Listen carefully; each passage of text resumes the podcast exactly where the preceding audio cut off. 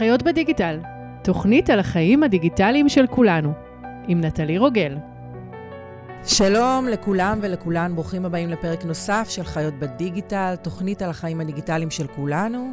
גם בפרק הזה בחרתי לסטות מהנושא העיקרי של הפודקאסט, דווקא כדי להפוך אותו ליותר אקטואלי, וגם כדי לנסות לעזור לעצמי ולאחרים להבין יותר דברים על מה שאנחנו חווים בתקופה האחרונה.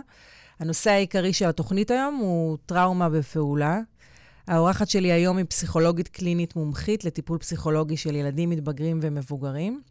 חוקרת במרכז לחקר המוח באוניברסיטת רייכמן. כיום מנהלת מחקר טיפולי שמעניק טיפול פסיכולוגי חדשני וחינמי לנשים אשר סובלות מדיכאון אחרי לידה.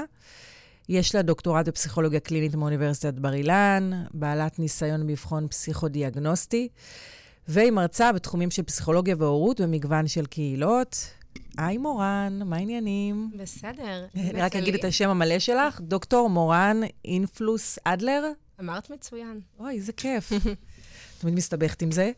אמ, אז בעצם אני פניתי אלייך דווקא מתוך צורך גדול שלי בעקבות אה, חזרתם של ילדים מהשבי בשבוע שעבר, שבעצם המחשבה שאני מאמינה שמסתובבת אצל כולנו בראש, זה על תהליך הריפוי שלהם בהקשר של מה שהם חוו ומה שהם ראו לפני ואחרי. Mm-hmm.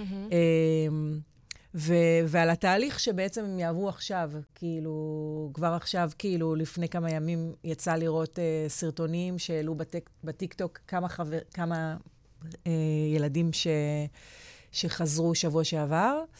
Uh, וכאילו, ראיתי את הסרטונים האלה, וזה ממש, הרגשתי שזה ממש שימח אותי. כאילו, אמרתי, mm-hmm. אוקיי, יכול להיות שהם בסדר, mm-hmm. כאילו, אם ניגשים לדבר הזה כבר, או מנסים לחזור לשגרת החיים שלהם, אבל על, על, אני לא בטוחה בזה.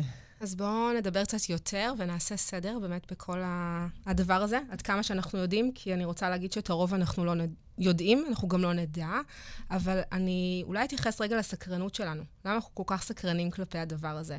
כי בעצם... אה, משהו במה שקרה, קודם כל זה אירוע בסדר גודל שלא ידענו כמותו, והוא נורא נורא נורא מטלטל. אבל אף פעם לא ידענו כמדינה, ידענו חטופים, וידענו אה, ילדים שרצחו אותם, וידענו התעללויות. כלומר, שמענו על הרבה דברים בתקשורת, אבל לא בסדר גודל כזה. ויש משהו בילדים שהם נוגעים ב, בלב ככה הרגיש של כולנו. ובעצם אנחנו, מאז שזה קרה, קצת מרגישים שזה באיזשהו אופן הילדים שלנו, או אנחנו כבר זוכרים שמות של חלק מהילדים, אנחנו רוצים לדעת מה קורה איתם. חד משמעית, מה זה זוכרים? זוכרים, את, מכירים את כל המשפחה, mm-hmm, כאילו, mm-hmm. כל המעגלים ה... ומחכים, וחיכינו לרשימות, ולראות שילדים מסוימים או משפחות מסוימות מתאחדות מחדש. כלומר, יש לנו משהו רגשי שמעורב בדבר הזה, ולכן גם מאוד הגיוני שנרצה לדעת מה הולך להיות איתם עכשיו. אה, אז בואו נדבר רגע על טראומה ומהי טראומה. טראומה היא מצב אה, מאיים, שיש בו איזושהי סכנה לחיים, או תפיסה או תחושה שהוא מסכן חיים. יכול להיות שהוא יקרה לי, ויכול להיות שהוא יקרה לאדם קרוב לי. כלומר, יכול להיות שהטראומה היא גם שאני עד למישהו שעכשיו נמצא בתאונת דרכים, עובר חלילה אונס, אה, חווה התעללות כלשהי, או ששמעתי על אדם כזה. כלומר, גם יכולה להיות טראומה משמיעה. אה, צריך להבדיל ולהבין שלא בכל המצבים שבהם נחשף לאירוע שהוא טראומטי, כלומר מאיים ומסכן חיים, שבו חווינו כנראה גם חוסר אונים, לא בכל המצבים האלה תתפתח הפרעה שנקראת פוסט-טראומה. לרוב האנשים, וזה משהו שנורא נורא חשוב להגיד אותו, יש מנגנוני ריפוי והחלמה טבעיים. כלומר, 70-80 אחוז מהאנשים, האוכלוסייה, כי גם באוכלוסיית העורף יש הרבה אנשים שנחשפים, כולנו נחשפים לכל הזוועות האלה, ומפתחים כל מיני תסמינים חרדתיים, אפילו תסמינים טראומטיים כתוצאה מהדבר הזה. אז רבים מהאנשים לא יפתחו מה שאנחנו קוראים full blown, כלומר, לא יפתחו, לא יפתחו הפרעה מלאה של פוסט-טראומה. הפרעת פוסט-טראומה היא הפרעה שמתפתחת, לוקח לה קצת זמן להופיע, היא קורית כחודש עד כמה חודשים באמת לאחר האירוע, והיא נושאת כל מיני תסמינים לפי ה-DSM, יש בה את התסמינים של אה, חוויה מחדש של האירוע, כלומר, אני אומרת את זה כיוון שלחלק מהילדים או לחלק מהחטופים השווים, אה, כנראה יש תסמינים כאלה, אוקיי? אה, וגם לאנשים שבכלל נפגעו והיו באירועים הנוראים של השבת השחורה הזאת. אה, חלק מהתסמינים הם תסמינים של חוויה מחדש. זה אומר פלשבקים.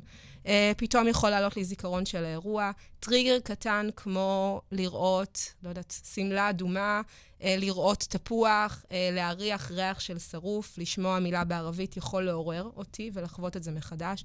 סיוטים, חלומות בלילה. דבר נוסף שקורה, זה שמשתנה התפיסה שלי לגבי עצמי ולגבי העולם.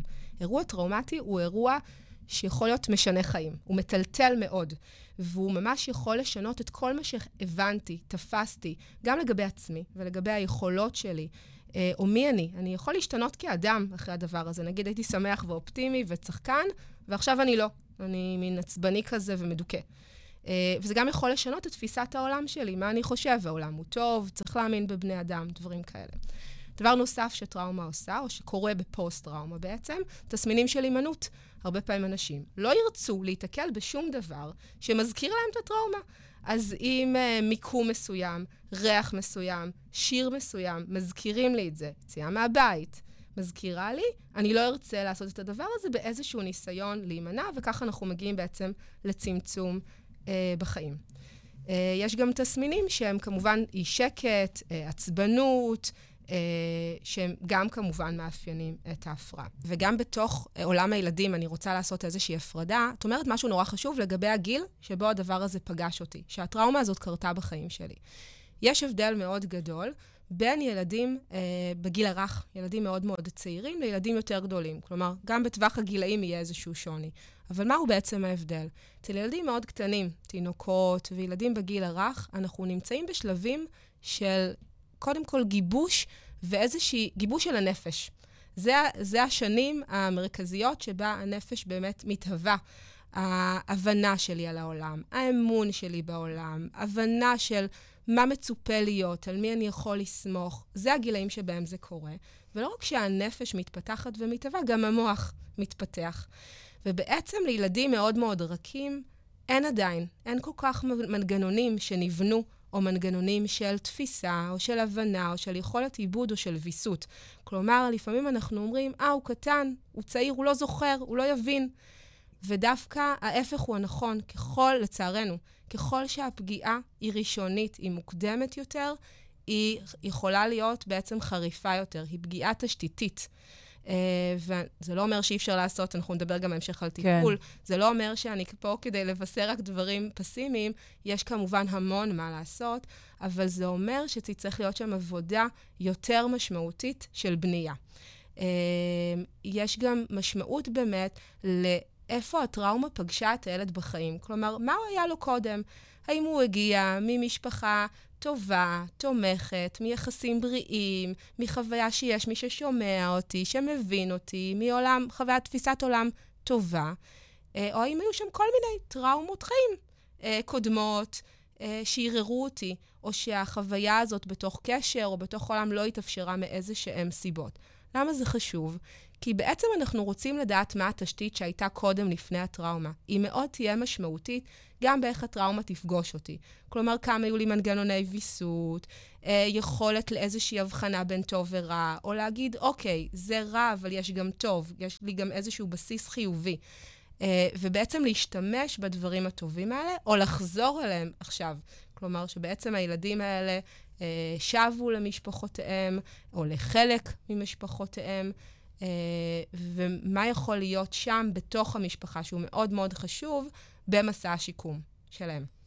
וגם יש, יש, אה, אני מניחה, לפחות שיש איזושהי, יש השפעה מאוד גדולה, גם בהקשר של הגיל. זאת אומרת, ככל שאני יותר קטן, אז ההשפעה תהיה יותר גדולה, וככל שאני יותר בוגר וגדול, אז ההשפעה תהיה, אה, אני לא יודעת אם פחות גדולה, אבל לא יודעת, זהו, אולי... קשה לנו לדבר במושגים כאלה, כי יש פה הרבה משתנים מתערבים, אוקיי? כלומר, יש פה באמת את הגיל, יש פה את הסביבה שהייתה לי קודם והסביבה שאליה אני נקלט, כי... יש את העניין הזה שיש יש, uh, ילדים שנחטפו ביחד עם אחד מההורים או עם שניהם, נכון. ויש ילדים שנחטפו... לגמרי לבד. או שהפרידו אותם. שמענו בעצם על ילדים נכון. שעל אף שנלקחו עם משפחתם, החליטו פשוט על דעת הרוע, להפריד אותם. ילדה שהופרדה לעשרה ימים מהמשפחה שלה. כן. יש בזה השפעה מאוד מאוד מרכזית על האם תתפת... איזה טראומה, לכולם יש טראומה, בסדר? אי אפשר להגיד שלא. אני בטוחה מבלי שראיתי ופגשתי אף אחד מהם אישית. אני בטוחה שכולם חוו דברים זוועתיים, מסקרן אותנו לשמוע, ואנחנו יודעים מעט מאוד ממה שהם חוו. זה עוד יתגלה גם בהמשך. לא. כי האופי של טראומה הוא, הוא מצומצם. כלומר, ולא בהכרח סביב הדבר הזה שאמרתי שהרבה דברים הם טריגרים, לא תמיד אני רוצה לפתוח ולספר אותם. יש כאלה שדווקא מאוד יספרו, כלומר שהם בהצפה כל הזמן, אז הם ידברו וישתפו, והם כל הזמן, הם לא יכולים להפסיק את הסרט הזה שרץ להם בתוך הראש. כן. אז התגובות הן מאוד מאוד שונות, אבל בעצם זה מאוד משנה אה, מה אני חוויתי, האם, הייתה לי, האם הייתי עם עוד מישהו. האם המישהו הזה היה מוכר. למשל, אחת הילדות השוות הייתה עם חברה במשך הזמן הזה. זה נורא נורא משמעותי, הקשר שהיה שם, או עם אימא, או עם איזושהי דמות מבוגרת שטיפלה בי, לעומת אם הייתי לבד, לגמרי לבד. ילד שהיה לבד, עשרה ימים זה המון זמן. לא נתפס. אפילו פחות מזה, ואנחנו יכולים להבין שהזמן לבד הזה, מעבר לבדידות ולקושי לווסת את עצמך, קרו בו עוד דברים קשים. אז זה דבר שנורא נורא משפיע. וגם למה חוזרים הילדים האלה. כלומר, חלקם חוזרים בעצם... לטראומה נוספת, ליד, לידיעה שאחד ההורים נשאר מאחור, לידיעה שאחד מההורים או בני משפחה נרצחו. אה, זאת עוד התמודדות. אז בעצם דבר נוסף שמאוד ישפיע על תהליך ההתמודדות או ההחלמה אה, של אותם ילדים, קשור בכמה טראומות הם עברו. אה, זה משהו מאוד אחר להיות במקום אחד, נגיד, במסתור בעזה, או אצל איזושהי משפחה, לעומת לעבור תוך כדי שיש כל הזמן הפצצות. אה, או להיות לבד או לא להיות לבד. כלומר, כל הדברים שאמרנו, ומה נעשה להם שם, ולמה הם חזרו בארץ. כלומר, יש ילדים שהטראומה בעצם היא גם מתמשכת, היא לא פסקה. כי אם אבא נמצא בעזה, הטראומה מבחינתם עוד לא נגמרה, הם עדיין בתוך אירוע. אנחנו צריכים להבין, אנחנו כבר הרבה ימים של לחימה, והם עדיין בתוך אירוע, כי אין לזה עדיין סוף. אז בואי נדבר שנייה על התהליך, מה שנקרא, על התהליך שהם צריכים לעבור עכשיו. כאילו, מה קורה בעצם מעכשיו? מה, מה הדבר הכי נכון לעשות? Mm-hmm. אני, חל... אני שנייה אסייג את זה ואני אחלק את זה לשניים.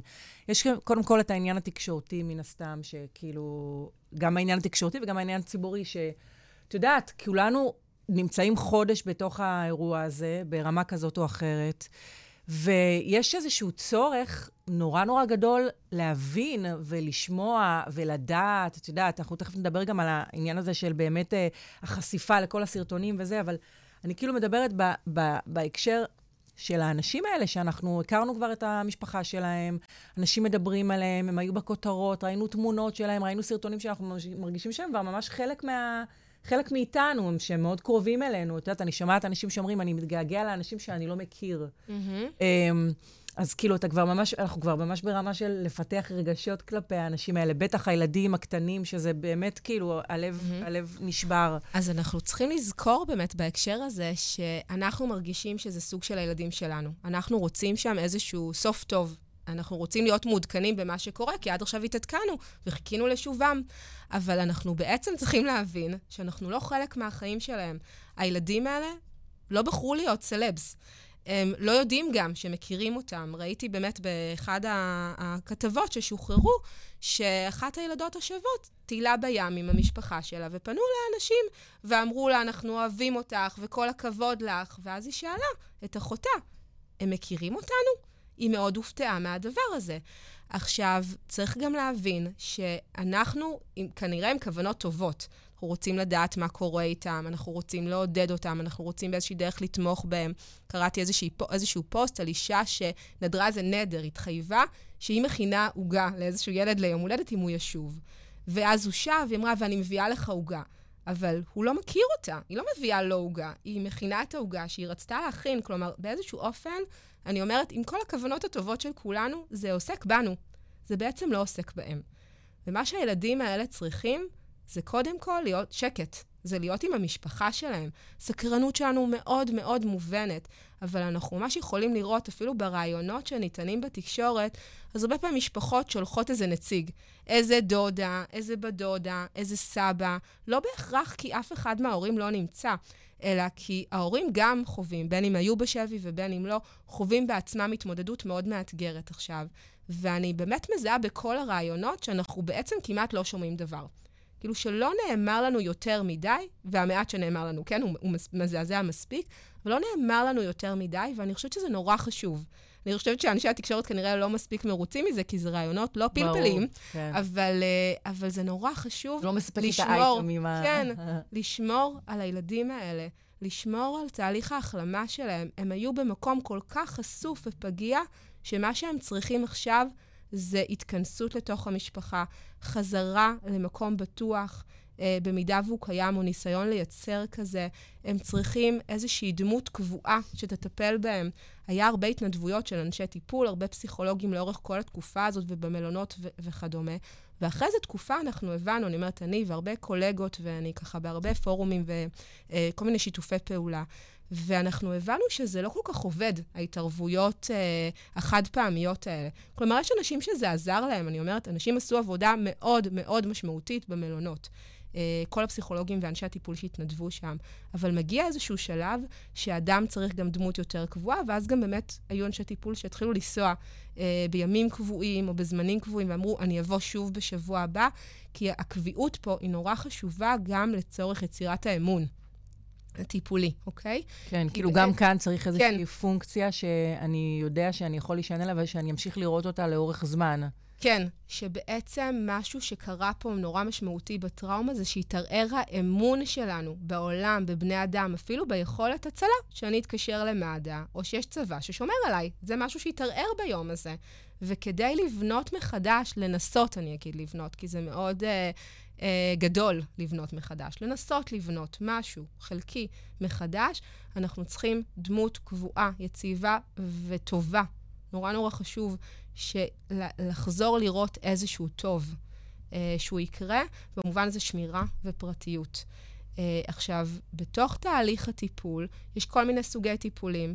אה, שמוכרים לנו מעולם הטראומה, יש טיפולי אה, אה, EMDR, שזאת שיטה מאוד מתוקפת, שזה בעצם טיפול בעזרת תנועת עיניים, יש טיפולי PE, שזה חשיפה ממושכת, יש SE, יש כל מיני שיטות טיפול okay. אוקיי. מתוקפות מחקרית, ידועות. ולפעמים אבל עם ילדים, וזה ככה אני מביאה יותר באמת מעולם הטיפול שלי, אנחנו עושים התערבות שהיא דיאדית.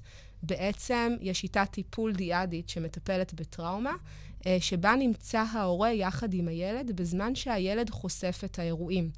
ובמקום הזה אנחנו בעצם מנסים לתמוך בשניהם, כי גם להורה יש פה התמודדות מאוד מורכבת, ברור. ואנחנו מנסים לזהות דברים שאולי לא היו בזמן האירוע.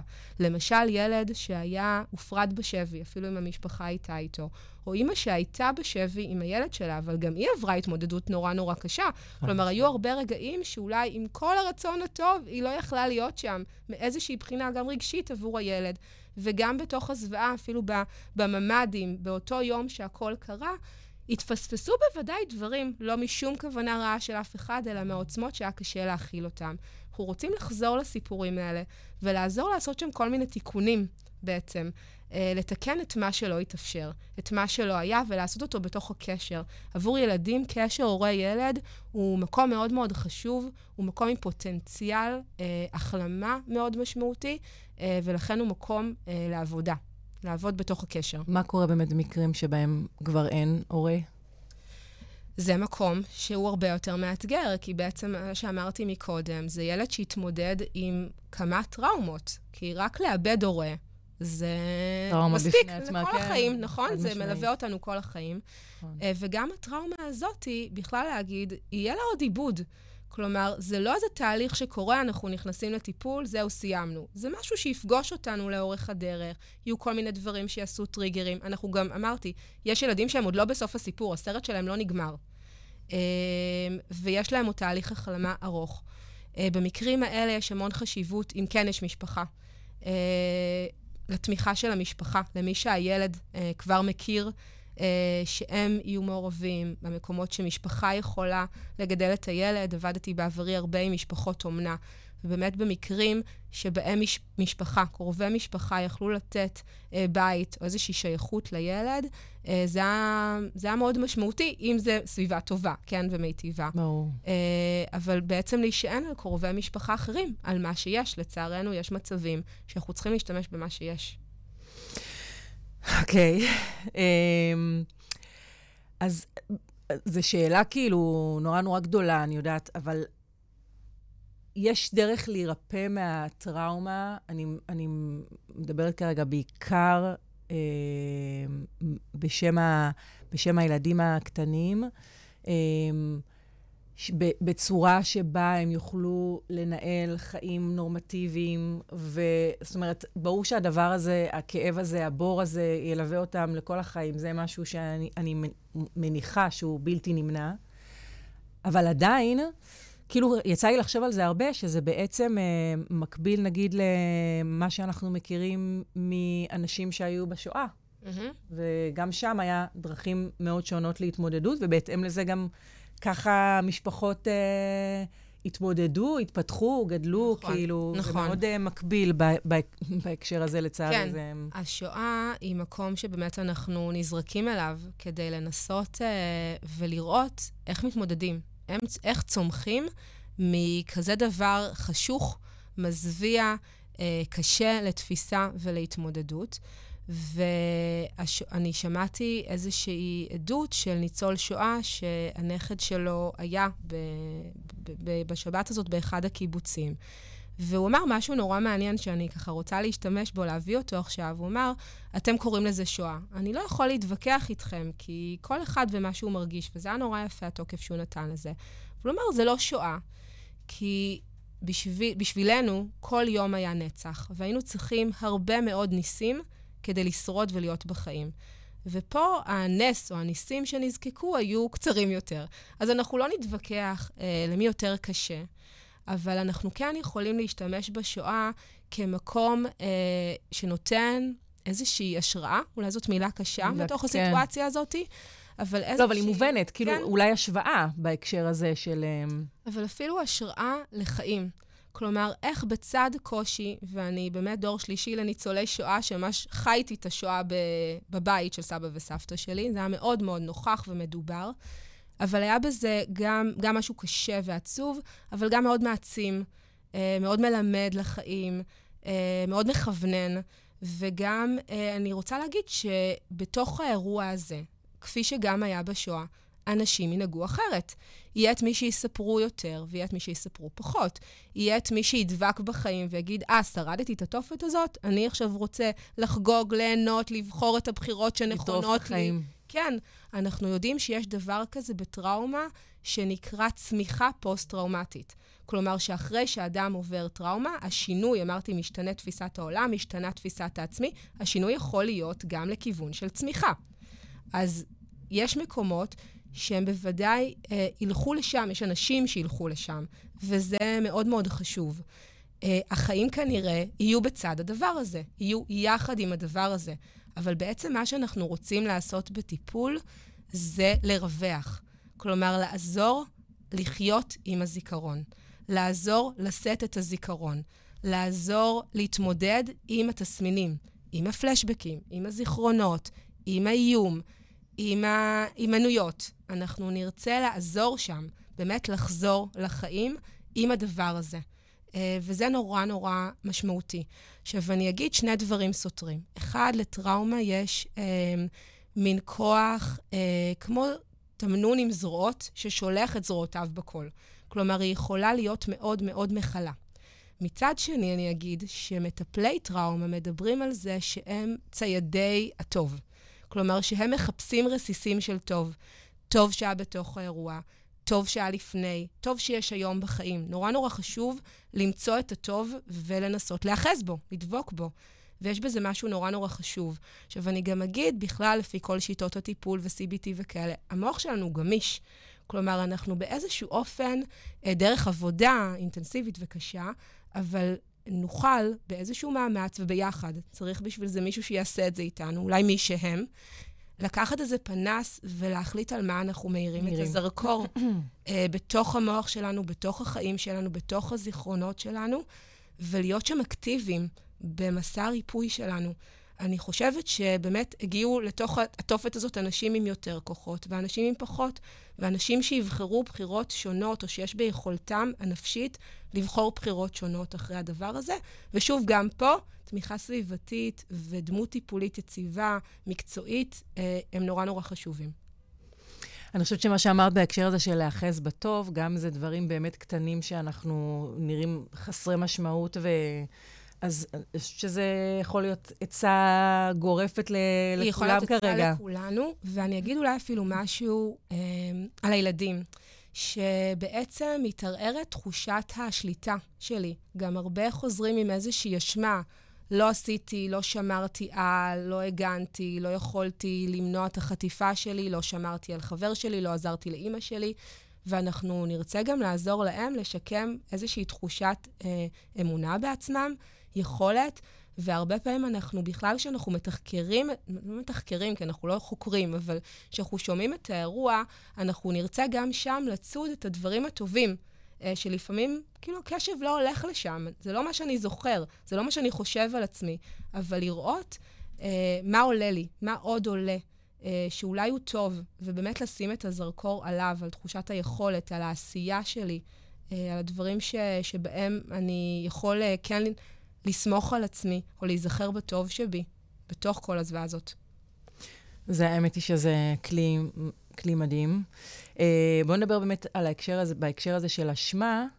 אה, יש, שוב, יש ב, בכל, הד, בכל האירוע הזה, יש, יש כמה מעגלים, לפי איך שאני רואה את זה. יש mm-hmm. באמת את האנשים שחוו את החוויה הזאת על, על בשרם, אה, והיו שם אה, אה, ונכחו ממש ב, ב, בטרגדיה הזאת, ויש אנשים, יש את המשפחות שלהם כמובן, ויש את המעגל השלישי, או אולי הרביעי אפילו, אמ, של... של של, שלנו. שלנו, של, של כולנו. Mm-hmm. וגם, וגם שם מסתבר, אה, יש אה, לא מעט תחושות אשמה. אני שומעת מכל מיני אנשים בסביבה הקרובה שלי, שקיבלו כל מיני החלטות בעקבות האירוע הזה, בין אם זה לא לעשות דברים שהם נמצאים תחת הגדרה של כיף, כאילו ברמה של לא לצאת למסעדה. איך אפשר לצאת למסעדה שיש אנשים בשבי, שיש אנשים שעברו כזאת חוויה קשה? אה, ואפילו עד ברמה של... אה, אה, פגשתי מישהי במקום עבודה שאמרה לי שהיא לא הפסיקה לצבוע את השיער כהחלטה מאותו אירוע. היא מרגישה שזה, היא לא מסוגלת לזה, היא לא מסוגלת להתעסק בעצמה כרגע כש, mm-hmm. כשקורה דבר כזה. אני אגיד שאשמה היא נושא באמת מאוד מרכזי, שעלה כתוצאה מהאירוע הזה. אמ, ויש המון ביטויים לזה, זה איך אני משכיבה את הילדים שלי במיטה בלילה, כשאימהות אחרות לא יכולות לעשות את זה, למה אני אוכלת קוביית שוקולד, להם אין אוכל, אה, כל מיני דברים כאלה שבעצם הם, הם, הם קשורים לזה, שאנחנו לא יכולים לשאת את הזוועה שקרתה. הנפש שלנו עדיין מעכלת את זה, אי אפשר לאבד כזה אירוע. וגם שאנחנו נורא מתקשים עם תחושת חוסר האונים שלנו. בתוך הדבר הזה, שבעצם לא יכולנו לסייע באותו רגע. Uh, המדינה אולי לא מספיק סייעה באותו רגע. גם מאז יש דברים מוגבלים שאנחנו יכולים לעשות כדי לסייע, והאשמה הזאת היא, היא מפגישה אותנו עם איזה ניסיון של שליטה. כאילו, מה זה לא לצבוע את השיער? זה דבר שיש לי עליו שליטה, שאם אני אעשה אותו, אז, אה, אז, אז אני, אני קצת פחות עושה רע. אבל נגיד אם תצבעי את השיער, זה יעשה רע למישהו? כלומר, החטופים ידעו את זה? אם לא תצבעי את השיער, יהיה להם טוב יותר? כן, לא. לא. אבל... אבל, אני יכולה לא להתחבר, לא, ברור. זה לא רציונלי. זה, לא ממש לא רציונלי. לא רציונלי. זה כמו לראות חדשות. מגיעים אליי הרבה מטופלים ואומרים, תקשיבי, אני כל הזמן רואה חדשות, אני כל הזמן רואה חדשות, ורע לי, אני מרגיש שזה מייצר לי סיוטים בלילה, זה מייצר לי אכילה רגשית, כל מיני דברים.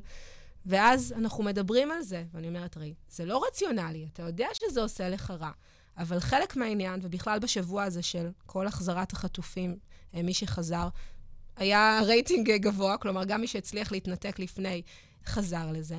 אמ, אז בעצם אנשים גם מרגישים שיש להם מחויבות לדעת. נכון. יש להם מחויבות לראות. איך אמר לי איזה מישהו, אשתי, אה, עד שלא השכיבה את כולם לישון וידעה שהם חזרו למשפחותיהם ומכוסים, בצחוק, כן? כן. לא הלכה למיטה. כן.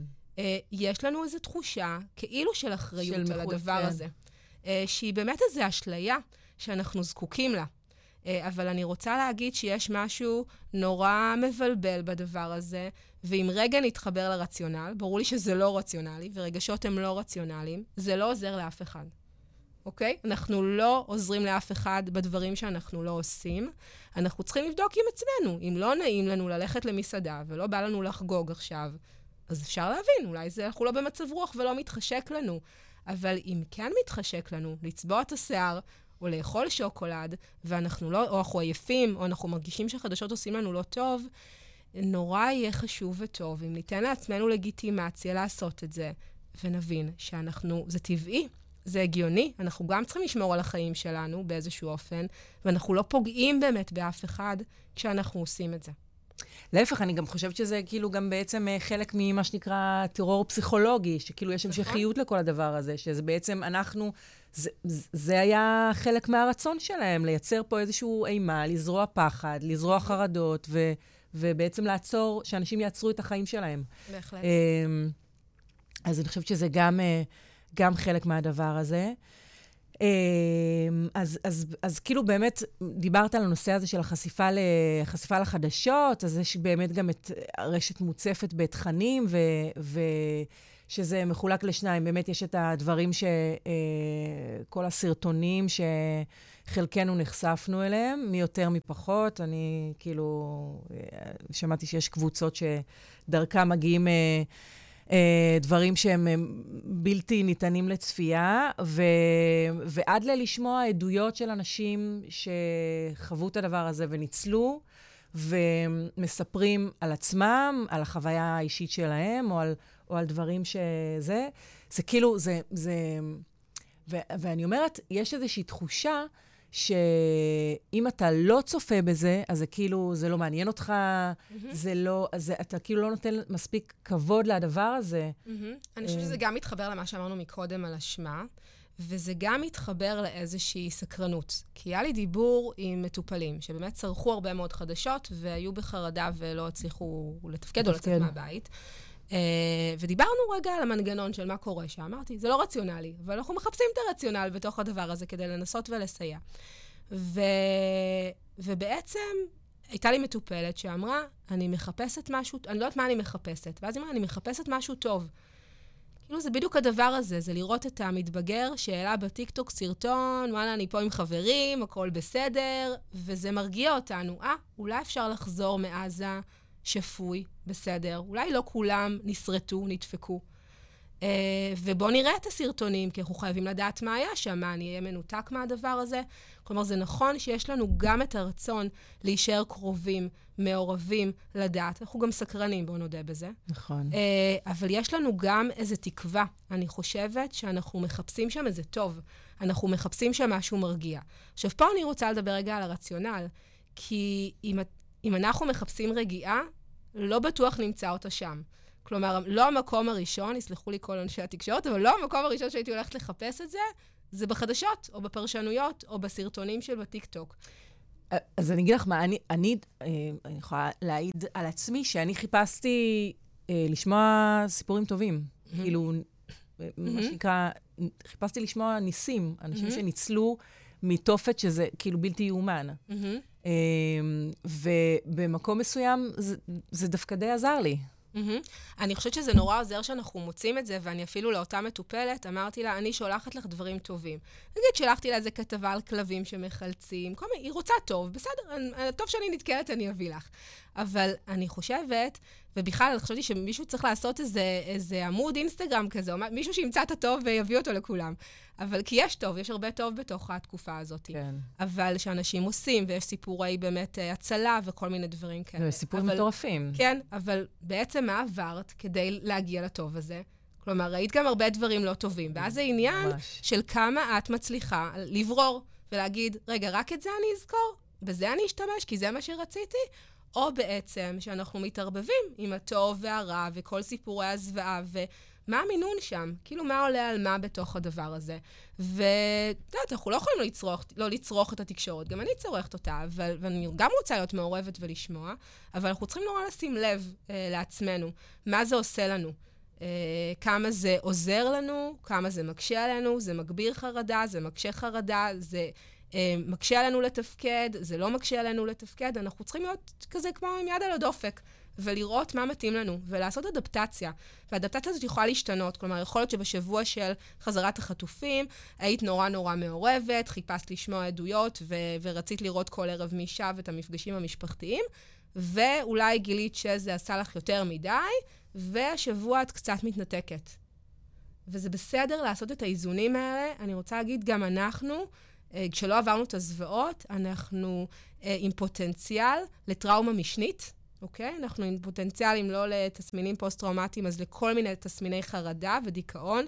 אה, ודברים נלווים, כמו אכילה רגשית ודברים שקורים בתקופה הזאת, שימוש בחומרים מוגבר, ואנחנו צריכים לשים לב מה, מה זה עושה לנו, וגם לשמור על הנפש שלנו בתוך הדבר הזה. נורא נורא חשוב. אכילה רגשית, שופינג מוגבר, שמעתי כבר... כל סוגי ההתמכרויות. אני אומרת, שימוש בחומרים, אז מי ששותה יותר, מי שמעשן יותר, כל, כל אחד ומה שעושה לו את זה, כן? כדי כן. להירגע. כן. עכשיו, באיזשהו אופן זה לגיטימי, זה, זה פונקציה ויסותית, אבל אנחנו גם צריכים לשים לב לאיפה אנחנו... אם זה בשליטה או לא. לגמרי. אז, אז, אז תגידי, נכון לא לחשוף את הילדים בכלל הדבר הזה? אני, ברור שיש פה עניין של גיל, וגם, את יודעת, כאילו, נגיד, הקטנים שלי הם, הם יש לי תאומים בני שש. הם על פניו, הם לא בעניין, כאילו, הם יודעים שיש מלחמה, מה שהם יודעים הוא מאוד מאוד אה, ש, אה, שטחי, אבל אז יוצאים החוצה ורואים שלטים של אנשים, ועולות כל מיני שאלות. Mm-hmm. אה, אז גם כאן, אם דיברנו מקודם על גיל, גם כאן הגיל נורא נורא חשוב. Um, אני אתחיל קודם כל ממי אנחנו לא יכולים שלא לחשוף. אז מניסיוני, אה, גם מלהסתובב בעיר ובעולם, זה באמת בכל מקום. כלומר, זה בחנות מתחת לקליניקה שלי, זה בכניסה לסופר, כלומר, שלטי החטופים, ילדים נתקלים בדבר הזה. בטח בבית ספר, סביר שהם ישמעו, מישהו ידבר על זה, אח של חבר יזכיר את זה. כלומר, אם הייתה לנו אשליה בהתחלה, ולהורים הייתה, ואמרו לי, טוב, סיפרנו על המלחמה, התייעצו איתי מה להגיד, ודיברנו על זה בהרצאות, בהדרכות הורים וכדומה. אז אפשר היה לא לדבר עוד. אבל אנחנו המון זמן כבר בתוך המלחמה הזאת, וילדים חוזרים, ויש מאבק ראוי וחשוב, ו... שרק ימשיך על החזרת החטופים. לגמרי. ואנחנו, זה קורה, זה קורה סביבנו, כבר אי אפשר כל כך לא להגיד את זה לילדים. אה, ואז נורא חשוב שבמקום הזה אנחנו נהיה כתובת עבורם. אה, אנחנו רוצים להיות מי שיספר לילדים. או אם ילד ראה, לא יודעת מה, שלט בדרך, או בתחנת אוטובוס, או ליד הסופר, שהוא יבוא וישאל, אמא, מה זה? אז נרצה לענות אמת. אנחנו לא חייבים להגיד את כל האמת, אבל אנחנו נרצה לענות איזושהי תשובה שילד ידע שאנחנו נותנים לו מידע מהימן, ועדיף שאנחנו ניתן אותו מאשר אח בכיתה ד' של חבר שלו ייתן לו. כן. אה, או שאלות, הוא ישמע כל מיני דברים. לפעמים גם ילדים באמת, אה, עם כמה שהמציאות היא מוגזמת ונוראית, ילדים לפעמים גם מקצינים אותה. אומרים כל מיני דברים לא נכונים. ואנחנו רוצים לשמוע, להזמין את הילדים שלנו לשאול אותנו, לתת להם מידע. Uh, לשמוע מה הם יודעים ולדייק, לעזור להם להבין מה נכון ומה לא נכון, אבל בעיקר uh, לעזור להם בתיווך הרגשי של הדבר הזה. יכול להיות שילד יודע ושמע ומבין, ושמע אולי באיזה שיחת סלון ביום שישי בארוחה, או בכל דרך שהיא, זה לא אומר שהוא יודע לעכל את זה. עכשיו, בדבר הזה יש גם uh, משהו נורא חשוב לנו כהורים. Uh, להבין שאנחנו צריכים לתווך לילדים את המידע.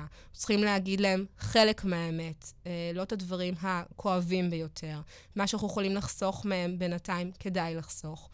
ואנחנו גם צריכים להבין שאיך שאנחנו חושבים שהם קולטים את זה, הם לא בטוח קולטים את זה, ויש בזה אולי משהו קצת מעודד, ואני אתן דוגמה.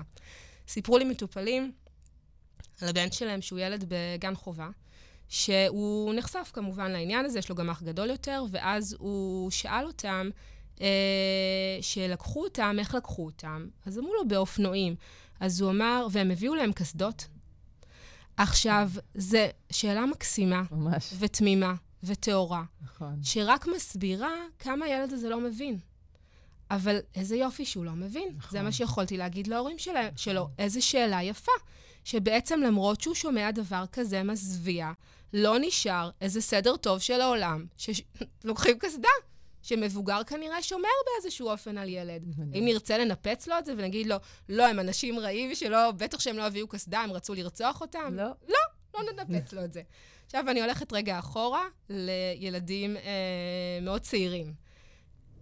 תינוקות, ילדים בגיל הרך, ילד בגיל שנתיים, שלוש, ארבע, שאולי רואה ולא שואל. אנחנו לא חייבים להכניס לו את התוכן הזה. שוב, אם זה מדובר במשפחה, והמשפחה היא כזאת שלא מצליחה לשמור על עצמה ולא לדבר מעל הראש של הילדים, מדברת משפחה מורחבת, או שיש אחים גדולים בבית ואיכשהו נחשף, אז צריך להגיד, אבל גם צריך להבין שילדים בגיל כה צעיר, נגיד ילדים בגיל 3-4, יש להם יכולת מאוד מוגבלת להבין מה זה חטוף. אה, מחבל. מחבל, חמאס, עזה, הם, הם לא, לא יודעים איפה זה ראשון, כאילו, איפה זה רחובות, איפה זה קריית שמונה. הם, זה מושגים מאוד מופשטים עבורם, הדבר הזה.